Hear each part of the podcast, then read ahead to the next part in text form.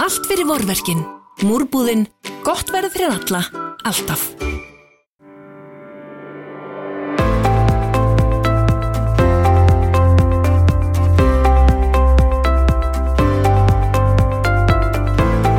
Ellefu frambóð verða á kjörsælunum í komandi borgarstjórnarkostningum. Í hlaðvarpi kjarnans fá kjósundur að heyra um stefnuflokkana með orðum oddvitarna.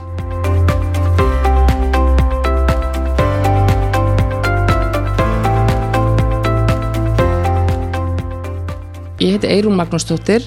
Viðmælandi minn er Dagur B. Eggertsson, borgarstjóri og oddviti samfélkingarinnar. Við ætlum að ræða um borginu okkar. Velkomin. Takk. Dagur, uh, þú hefur verið borgarstjóri frá árum 2014, setið í borgarstjórn síðastlegin 20 ár. Uh áttu nóg eftir? Uh, já, uh, allavega þá komst ég að þeirri niðurstöðu eftir að farið yfir málinn í, í haust að uh, þessar kostninga væru mikilvægar. Við erum lengi búin að vera að undirbúa og ná samstöðu á höfuborgarsvæðinu um hvað innviðið þurfið til framtíðar. Þetta eru borgarlína, við viljum setja umferðina uh, undir jörðina uh, og kapla miklu, miklu brautar og sæbrautar til að fá svona áhugavert borgarumhverfi og yfirborði. Uh, við erum komin á mikinn skrið í húsnæðisuppbyggingu sem þarf að herða enn frekar á. Og borgarlínan og, og stokkarnir og, og margt annað er að koma til framkvæmda á næsta kjörtímabili nema komið babbi bátinn. Þannig að ég ákvaða að taka slægin aftur og, og freysta þess að, að tryggja að þessi mál komist í höfn í samvinnu við aðra flokka vonandi sem hérna e, náum við breyðri samstöðu um þessa framtíðarsín og hrinda þessi verk Þannig að því finnst þú eiga uh, svona ókláruð verkefni? Já, uh, ég heyrði náttúrulega mjög mörgum uh, áður en ég tók þess ákvörðan. Ég hef reyndar alltaf áskilið mér rétt til þess að, að fara við það fyrir hverja kostningar að því ég í grunninn líti á pólitík sem tímabundi verkefni. Ég var sjálfur og leiði bara út í framhansnum í læknisfræði og ætlaði að gera allt aðra hluti þegar, þegar hérna, með bauðst að fara inn í porgamálinn en Uh, ég, ég fann fyrir ríkum stuðningi og, og uh, hitti meðal annars ein, einstakling sem mikla reynslur á atunulífinu uh, stjórnstóra verkefna og flókina alþjóðlega og svo framvegis og, og hérna hann svona sá mig í, í sal að stað þar sem við vorum bara og tók svona strikið yfir salin og tók snið aukslun á mér að horfa á mig svona ég veist að ég er búin að vera að hugsa svo mikið til því ég bara velta þessu mikið fyrir mig hvað þú er að gera. Ég veit að það er skrítið en, en ég er enginn samfélkingamadur en, en borgin er á réttri leið og veist að dagur maður hættir ekki við hálklára verk. Þannig að hérna, þetta talaði svona svolítið til mín og og um, ég auðvitað nýt þess að hafa verið núna í meiriluta sem er mjög samhendur og stendur á mörguleiti mjög bara saman að, að framtíða sín sem að uh, fellur mjög vel að minni og, og uh, ég átta mig á að og ég ger alls ekki kröfi til þess að fólk sé sammála öllu sem að ákveð hefur verið eða, eða ég stend fyrir en, en ég held að þessar kostningar snúast að miklu leiti um þessu svona stóru breyðu línur, þessi stóru verkefni, þessi innvegaverkefni sem í mínum huga skipta líkil máli til þess að borgin þróist í rétt átt, verði græn, áhugaverð, skemmtileg, eh, borg fyrir alla, alla tekjuhópa, eh, fjölbreytt og, og hérna og svo til mögnuð eins og Reykjavík hefur verið að þróast undanfjöndum árum, mínum að þið. Förum aðeins út í ykkar stefnumál. Um, þú talar um að meir hlutin sem nú starfar hafi verið mjög samhendur en þetta er þannig þegar koma kostningar að þá þurfum allir að, mm. að móta sér skýra sín og eitt af því sem því samfélkingunni hafi sett á dagskrá í ykkar stefnu er við tali sérstaklega um hverfin mm -hmm. uh, og maður langar að vita meir um hvað fælst í því ætlið að færa meira ákvarnavald inn í hverfin eða hvað hvað svona, hvað, af hverju þessi hverfa áhersla? Hverfa áherslan tengist því að, að við uh, bröðumst við COVID og þeim efnagsamdrætti sem var uh, í kjölfarið með því að gera tíu ára áallun sem við köllum einu nafni græna planið. Uh, þar vorum við að flýta fjárfestingur sem annars hefðu fallið setna til og, og auka þær. Þannig að þetta er, þetta er gríðarlega umfórsmikið plan með mjög mörgum verkefnum sem lúta því að fjárfesta í lífsgæðum í hverfunum okkar. Það sem fólk býr hefur að kalla eftir alls konar innviðum, sumstar er það sundlaug, sumstar er það íþróttahús, viðbyggingur og endurbætur og skólum og svo framvegis.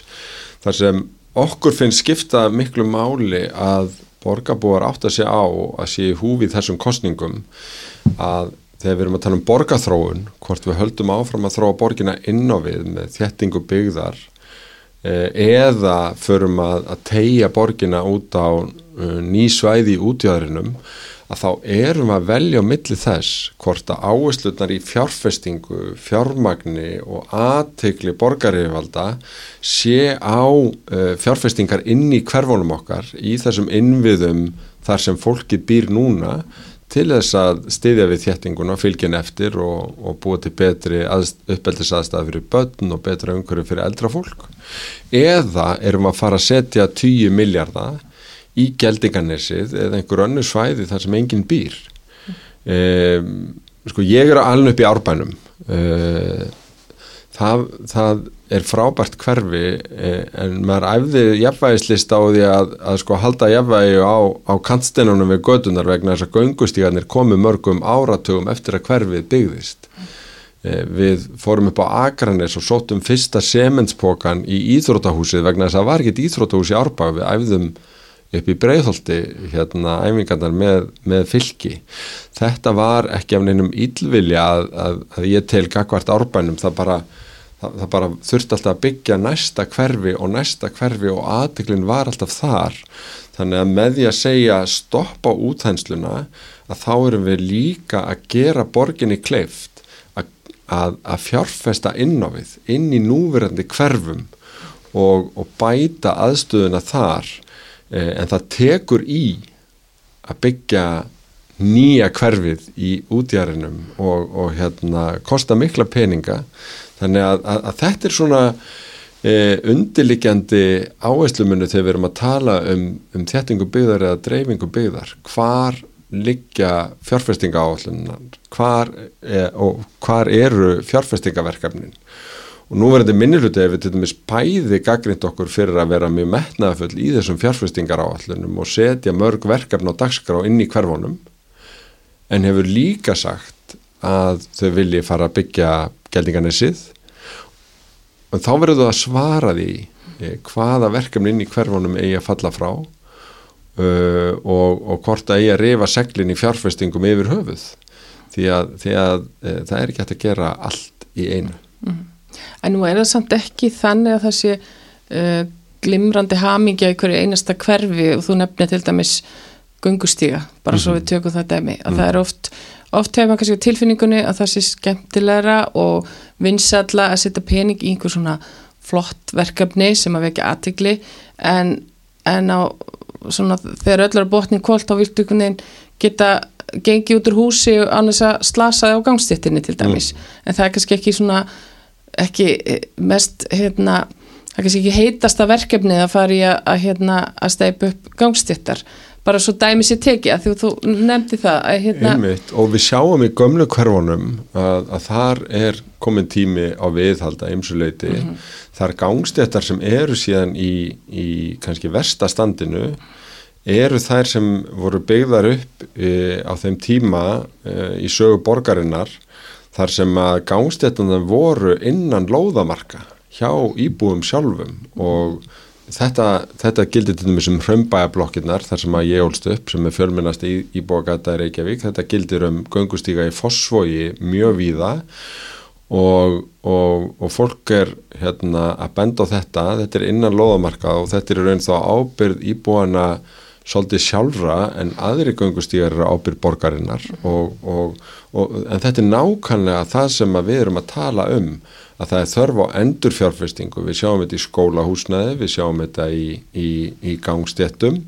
og eins og þú segir kannski skora maður ekki stig á að tala um þetta en þetta er grunnurinn að lífsgjáðunum að okkar mati. Að, að eh, leggja áherslu á núverandi hverfi þar sem fólki býr bæta innviðina þar, bæta umhyrðuna þar, auka lífsgæðin þar, ef þú horfir á kort af Reykjavík þá eru öll hverfi e, með sundlög í göngu eða hjólafæri frá sínu hverfi nema eitt mm -hmm. og það er fósfórin þessum erum að fara í þá sundlög þar e, hún verður hugsanlega að keppa við geldinganeslögina ef að, ef að einhver ætlar að setja höfuð áherslu á geldingarnes og næsta kjörtíðanbili. Þannig að þetta stóra samhengi sem að maður sér þegar maður fær svona langtíma yfirsýn e, og, og átta sig á því að, að það er ekki alltaf að gera allt í einu það er þetta sem við eigum við þegar við séum fjárfestum í hverfunum okkar mm -hmm. Þannig að þeir sem búi í grónum hverfum e, geta það átt vona því að að hverfin þeirra verði betri uh, af því að við ætlum ekki að dreifa borginni Já, Já. það er í raun hérna kostinni sem koma með þéttingunni að, að við erum þá ekki alltaf að, að byggja nýja hverfið í útjæðarinnum heldur erum að uh, höfum meira afl til þess að mm. bæta það sem er inn í núverandi hverfum. Það kemur ekki allt í einu og ekki allt á sama tíma og við verum að passa okkur í pólitíkin að kveiki ekki vendingar um það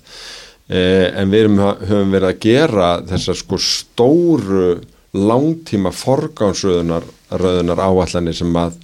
sem að hérna áður voru ekki til, áður var þetta meira svona hver tógar fastast en núna erum við til dæmis búin að skila eh, hérna, forgónsröðunar eh, plaggi um íþróttamannverki til næstu tíu ára. Mm. Við erum búin að eh, klára núna forgónsröðum varandi viðbyggingar og, og meira áttur endurbætur í skólahúsnaði til næstu tíu ára. Þannig við erum líka að vinna þetta svona meira faglega og, og byggt á svona heldar, heldar hagsmunum. Þannig að, að fólk getur tristi og við raun byrjuðum svolítið þetta vinnulega varandi skólalóðunar við erum búin að vera að taka þær allar í gegn og gera þær í raun að svona frábærin leiksvæðum fyrir hverfin en ekki bara skólalóðir mm -hmm. og, og það var byggt á svona ástandsskoðun hérna, nefndafjölda og, og síðan er bara gert plan og því er fyllt og þetta klárast Mér langar að tala meira um uh, þjættingu byggðar. Uh, þetta það er auðvitað einn uh, þéttingarreitur, rísa, rísa stór sem hefur kannski lítið verið talað um í þessari kostningabartum, það er Vasmýrin uh, hvað uh, hvenar gerist eitthvað þar? Uh, Vasmýrin er endar og 102 eitt uh, stærsta uppbyggingarsvæðið uh, á undanfjöndum árum þá er að tala um uppbyggingun á hlýðarenda uh, sem gekk nú ekki alveg átakalust fyrir sig, það lendi fyrir hæstarétti og ég veit ekki hvað og hvað. En þar að vera að byggjast um 700 íbúðir. Eh, Háskóli Reykjavík hefur verið að byggja 400 íbúðir hjá sér. Háskóli Íslands hefur verið að bæta við öðru eins af stúndaýbúðum við erum okkur hefur tekist á mjög fáum árum að tvöfald að fjölda stúndaýbúða í borginni. Eitt af næstu uh, uppbyggingarsvæðum sem er mjög spennandi er skerjaförðurinn það tengist varsmýrinni líka en, en ég veit þú ert að spurja um flugvöllin og, og hann er auðvitað enþá í, í rekstri eh, við náðum eins og að sangkomulega í 2019 við innanreikisrandið um að fara í rannsóknir í kvassarhunni ekki bara út af Reykjavíkufljóðvelli heldur vegna þess að öryggisríni á alþjóðafluginu, millilandafluginu sínir að við þurfum öflugan varafljóðvöld á suðvesturhóttinu. Reykjavíkufljóðvelli núverandi er of lítill brautirnir er of stuttar og við þurfum einfallega lendingarstað fyrir þessa tíu flugvila sem er að fljúa inn setnipartin og mótnana til Keflavíkur eh, ef að eitthvað út af bregður þannig að samfélagi þarf að fjárfesta í nýjum varaflugvöld á suðvesturhóttinu og Kvassarhunni var metin besti staðurinn í það og uh, í lok þessa árs liggur það mat fyrir og ef að þar er allt á grænu eins og flest benti til 2019 að þá er samkomulega á borðinu um að ráðast í gerð þess flugvallar. Og þá væntalega viljið byggja upp enn frekar í Vasmýrin Já, já, það er sín borgarinnar og það er hlut af aðarskipulæginu ekki strax heldur þegar það komi nýrvöllur þannig að það er alltaf eftir 2032 mm -hmm. en,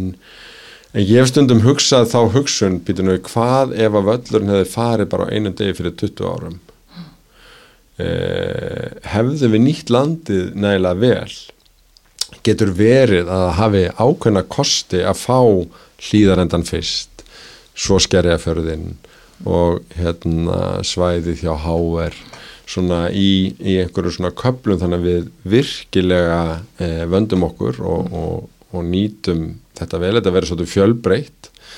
eh, þannig að, að, að og ég held að skiptið er rosalega miklu máli að vanda sig í skipularsmálum, það er bara reynslan sínir það, það er hægt að gera mistök og, og hérna en, en við hefum lært alveg gríðalega mikið að, í skipilagsmálum á síðustu 20 árum og, og tökum bara svona nýja þéttingareiti eins og við útvarshúsið í efstaleiti það voru mjög margir sem að spáðu illa fyrir þeirri uppbyggingu. En þegar hún er komin 350 íbúðir þá eru dásamlegir svona innigarðar og leiksvæði, það er kaffehús í jarðhæðinni og apotek og þjónusta. Í raun svona textabókar dæmi um, um það sem að maður getur haft væntingar um þegar þéttingar annars vegar. Og gríðarlega ánægja eh, hjá íbúum meiri sér líka þeim sem búa þarna nálagt og, og ég vil mótmælt á sínu tíma. Ef maður, maður mann þá sögu þá getur maður séðan breyða fyrir í morgunkaffi með nákvæmlega sínum á indisauka sem er hérna það sem reynd En að að minnist á þetta þá hefur nú ekki allstar gengið vel að fá þjónustu inn, á, uh, inn í hverfin, inn á þessa mm. þéttingareiti mm. uh, kannski kemur margt til en eru þið með einhverjar einhverjar lausnir í því er eitthvað hægt að gera til þess að hvetja fyrirtæki frekar til þess að koma inn í, inn í hverfin og opna á þessum jarðhæðum Já, í fyrsta lagi þarf að hugsa fyrir því og gera ráð fyrir því í skipulagi að sé þjónust á jarðhæð. Uh, það skiptir mjög miklu máli eh, en við höfum náttúrulega mikið um þetta að segja líka sem neytendur. Ég er alveg upp í hverfi, árbæðakverfi þar sem voru þrýr svona hverfiskjarnar með frá hömbænum og við löpuðum í búðina og bakaríð og bókabó Jónasar og, og, og þetta. Allir þessi þrýr hverfiskjarnar eru ekki sipuri á sjón. Uh -huh vegna þess að, að hegðunum breyttist og við fórum að keira í stóra vestlanir í útjæðarinnum, nála stoppbrötum og erum að ymsu leita að gera það ennþá. Þannig í nýja aðalskipuleginu uh, að þá erum að leggja áherslu á, á kaupanun og hotninu uh, stóru vestlanarkæðarnar er að sumi leita að spila svolítið með í mm. þessu, þú sjá það bæða af alþjóðlegu þróun og, og með því að kanna hvað fólk vil að fólk vil mjög gerðnan hafa kaffehús eða veitingastæði í hverfinu sínu og hafa búð en ekki bara einhverja randýra klukkubúð heldur helst láfurverslun inn í hverfinu mhm. fyrir 10-15 árum ef maður fekk eitthvað e, til síni viðtal sem vildi gera verslun þá var einhvern veginn lámarkið 3000 fermetrar bara eitthvað rosa Eh, stórar vestlanir en núna er að ræða jáfnvel við sömu fyrirtæki um, um miklu minni, kannski 500-600 fermetra mm -hmm. uh, og mest að leiði 1000 og, og, og þá rúmast það betur inn, í, inn á þessum þéttingareitum og hérna en, en við erum öll að læra svolítið og við erum svolítið stödd bæði í gömlu bílaborginni sem að, hérna, var stemtað 1960 og nýju Reykjavík sem er grænni með meiri hverfistengtir þjónustu og, og við þurfum átt okkur á því að við ráðum svolítið um þetta sjálf, þú veist bara með því hvar við vestlum mm -hmm. minna, maður tekur alveg eftir í vestubænum ég minna, fólk stendur svolítið með melabúðinni sinni og fer í hana frekar en að sækja í stóru vestlannar út á Granda og svo framvegis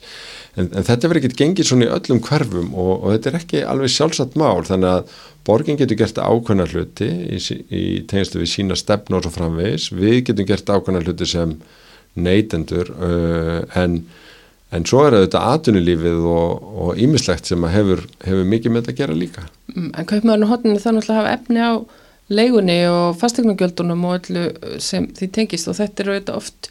uh, dýrt húsnæði uh, þessi, í þessum nýju, á þessum nýju reytum. Já, þetta getur verið Er það ekki að stoppa aðrunreikandur í því að koma hann inn? hugsanlega í einhverjum tilvikum og, og uh, en það sem við viljum höfum verið að horfa svolítið á eru borgið meðal hans í bandaríkjunum sem hafa gengið mjög langt í að gera kröfur um þjónust og jarðhæð og það er verið að hluta til leitt til þess að, að þeir sem eiga húsnaði vilja freka fá einhvern inn í það heldur en að láta standa tómt og býða eftir sko stóra dýra leigusamningnum. Og í, í sömum borgum sem hafa gengið lengst og ég er ekki að segja við förum alveg þangað að þá, þá við þetta leitt til þess að, að mörg svona lítil og skrítin rými eru býstna ódýr. Og í staðin fyrir Starbucks þá kemur inn einhver sem býr til kaffistað hérna eirunar hérna þú veist bara kaffistaðin sinn. E, og, og hérna og ég held að við viljum frekar vera þannig borg sem er ekki með endilega McDonalds eða Starbucks heldur bara, þú veist, kaffitár og, og hérna og einhverja svona já, bara sérstaka þjónustu þú veist, kaffilæk eins og í lögalegnum hérna, eh, gamla kaffihúsi eins og í fellakarunu, þú veist, eitthvað svona bara uník fyrir viðkomandi hverfi eh, og, og, og þarna þarf kannski þarf maður að velta fyrir sér þú veist, e, ef einhver að selja íbúður á svona þjettingarreit þú veist, kannski hætti hann að að, að að gera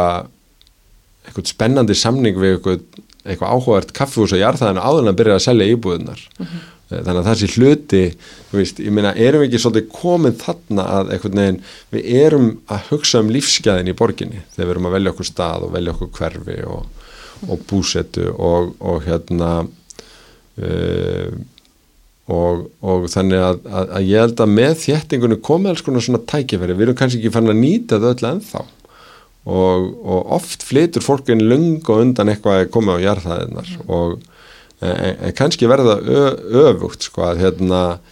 um, íbúi verði auðlistar með hérna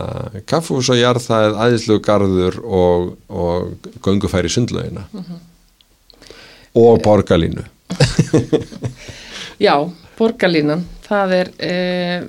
auðvitað svona eitt af kostningamálunum núna og, og hérna það sem hefur kannski gerst núna, maður heyrir að margir vilja svona bara hreinlega afneita þessu verkefni sem Mm. nei, ég bara aldrei vilja þetta. Og, og hérna þráttur að það hefur verið mikið samstaða um borgarlínu þetta í öllum sveitafélögum og höfbruksvæðinu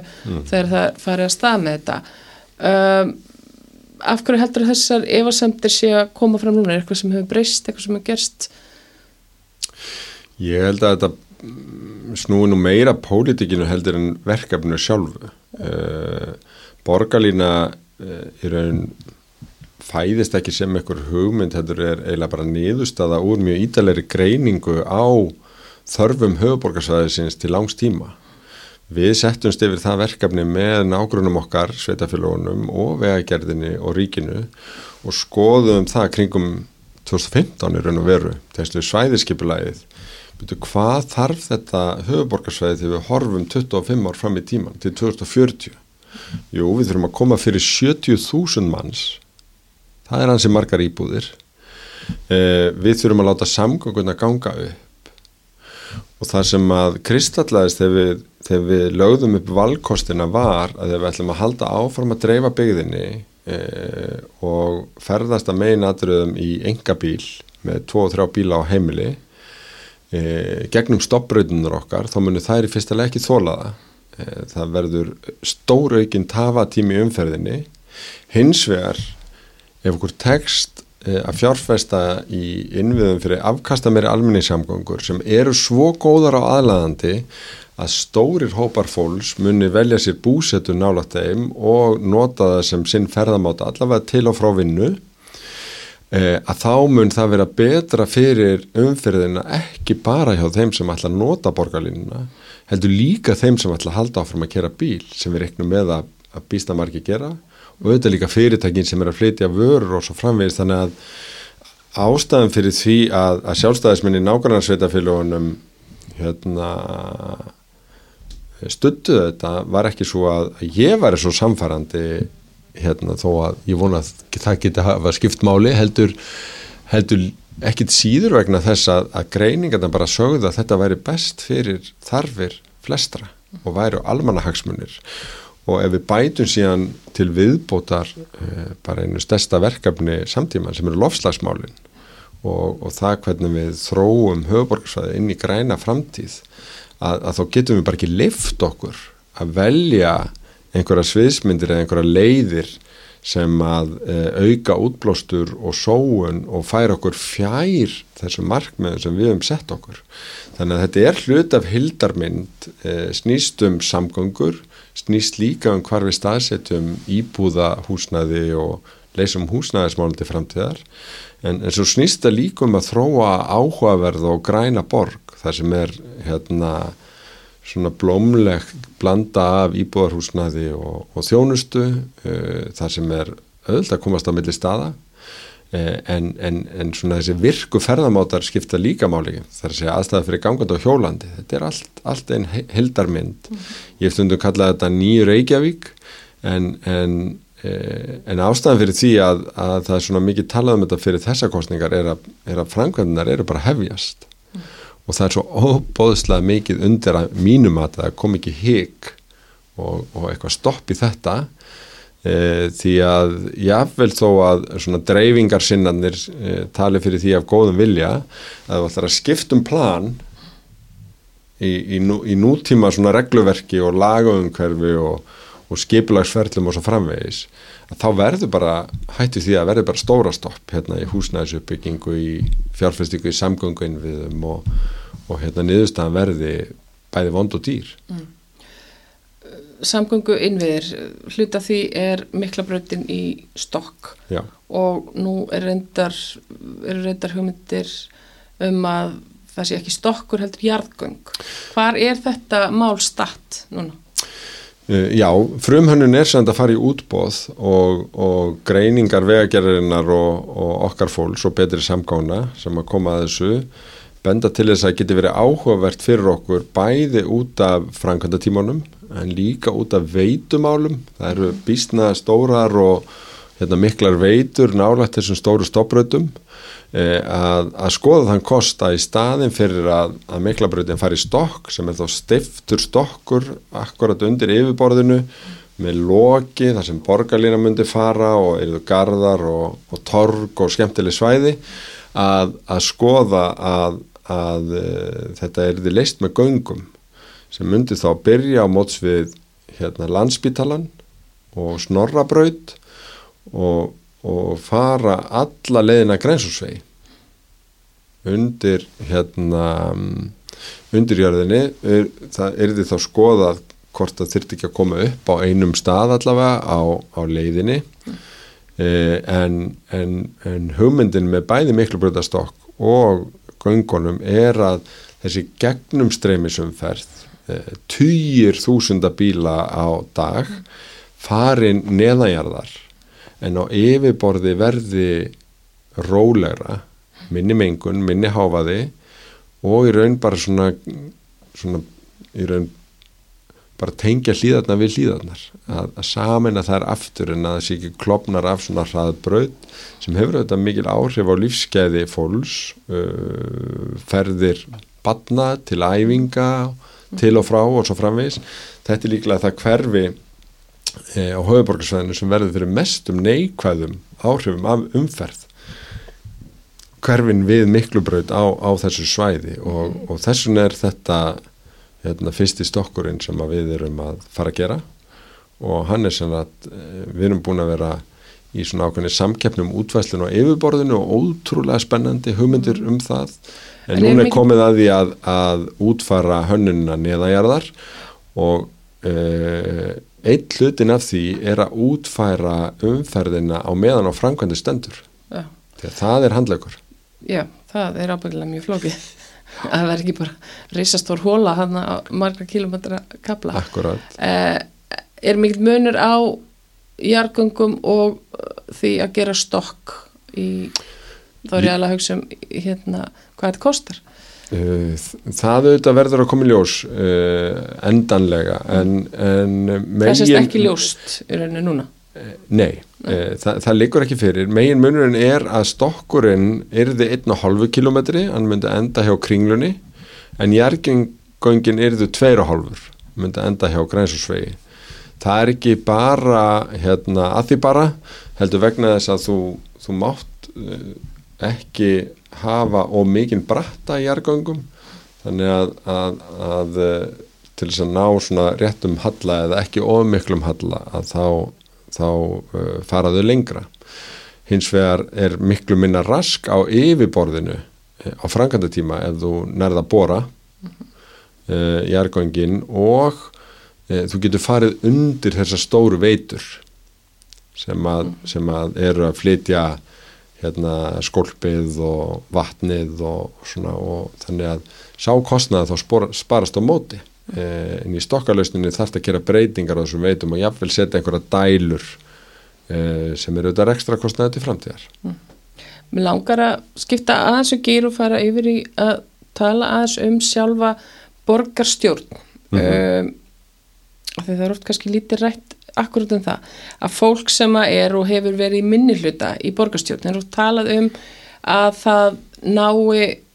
ekki eirum meirhluta mm -hmm. að það sé þannig að það ná engum málum í gegn mm -hmm. og það sé mikið svona valda ójapvægi um, er eitthvað hægt að gera til, a, til að breyta þessu eða er, er þetta svona, upplifir þú þetta svona? Þetta snýst auðvitað bæði um svona pólitískan kultúr og líka vinnubráð Uh, pólitíski kultúrin í borgastjórn er því miður býstna mikið þannig að það sé svona bara gjá á milli meiriluta og minniluta og hérna, öllu fundi til foróttu uh, þetta er allt annað kultúrin er í sveitastjórnum almennt ringin í kringu landið. Uh, þar er, er svona miklu er orðræðan önnur þó að geti kvesti í, í einstaka málum Uh, það má segja að, að sko síðustu, síðasta áratug eða tveimur hafi verið gerðar mjög margar áhugaverða tilhörinu til að breyta þessu.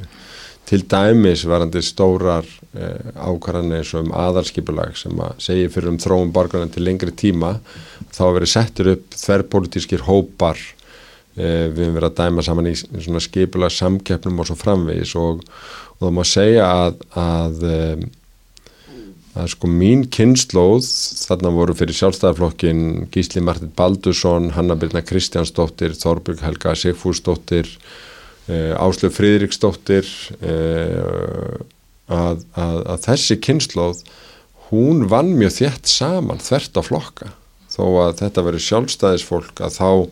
deildum við að mörguleiti sína á framtíð borgarinnar og, og þyrti að gera ákveðna breytingar, hverfa frá svona gráum áherslum yfir í grænar og leggja meira áherslu að virka ferðamáta á svo framvegis e, og það var meðal annars vegna þess að, að fólk var saman í vinnu að endur skoðana aðalskipulags, kynnti sömu hlutum á ráðstöfnum, fundum, skoðanaferðum ellendis mm -hmm. og talaði mjög mikið saman þvert á flokka svo þegar til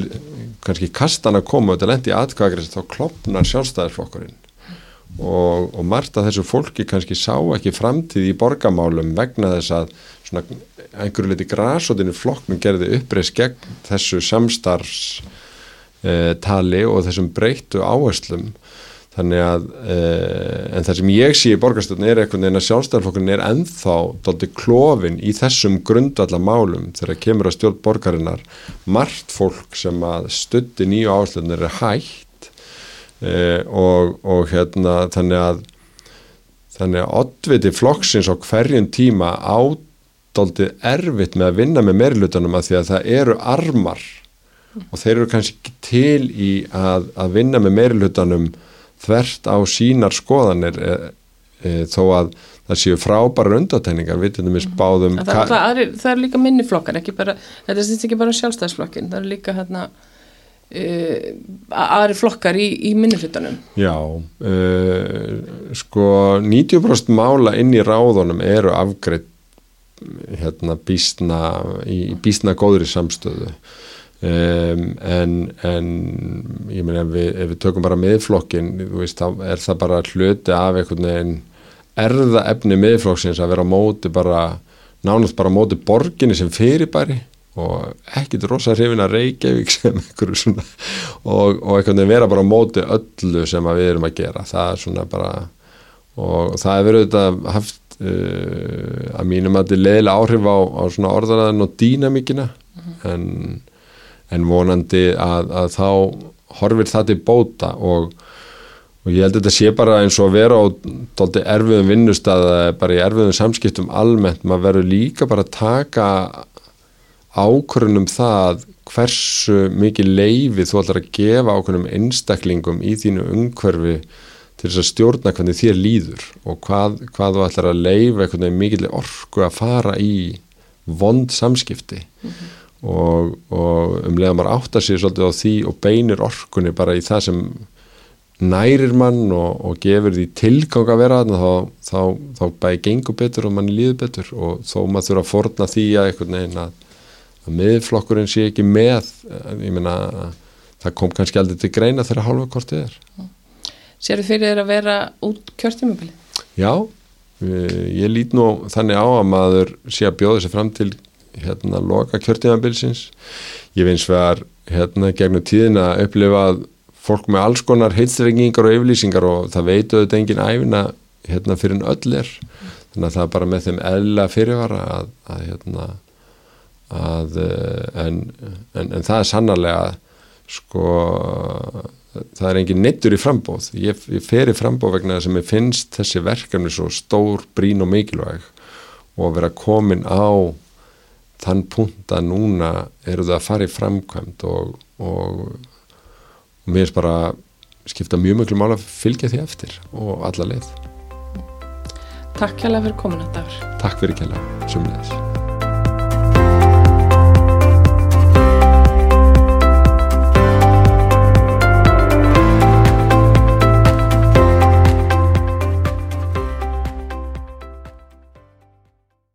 Múrbúðin er 20 ára. Frábær tilbóð. Kíktu í heimsókn.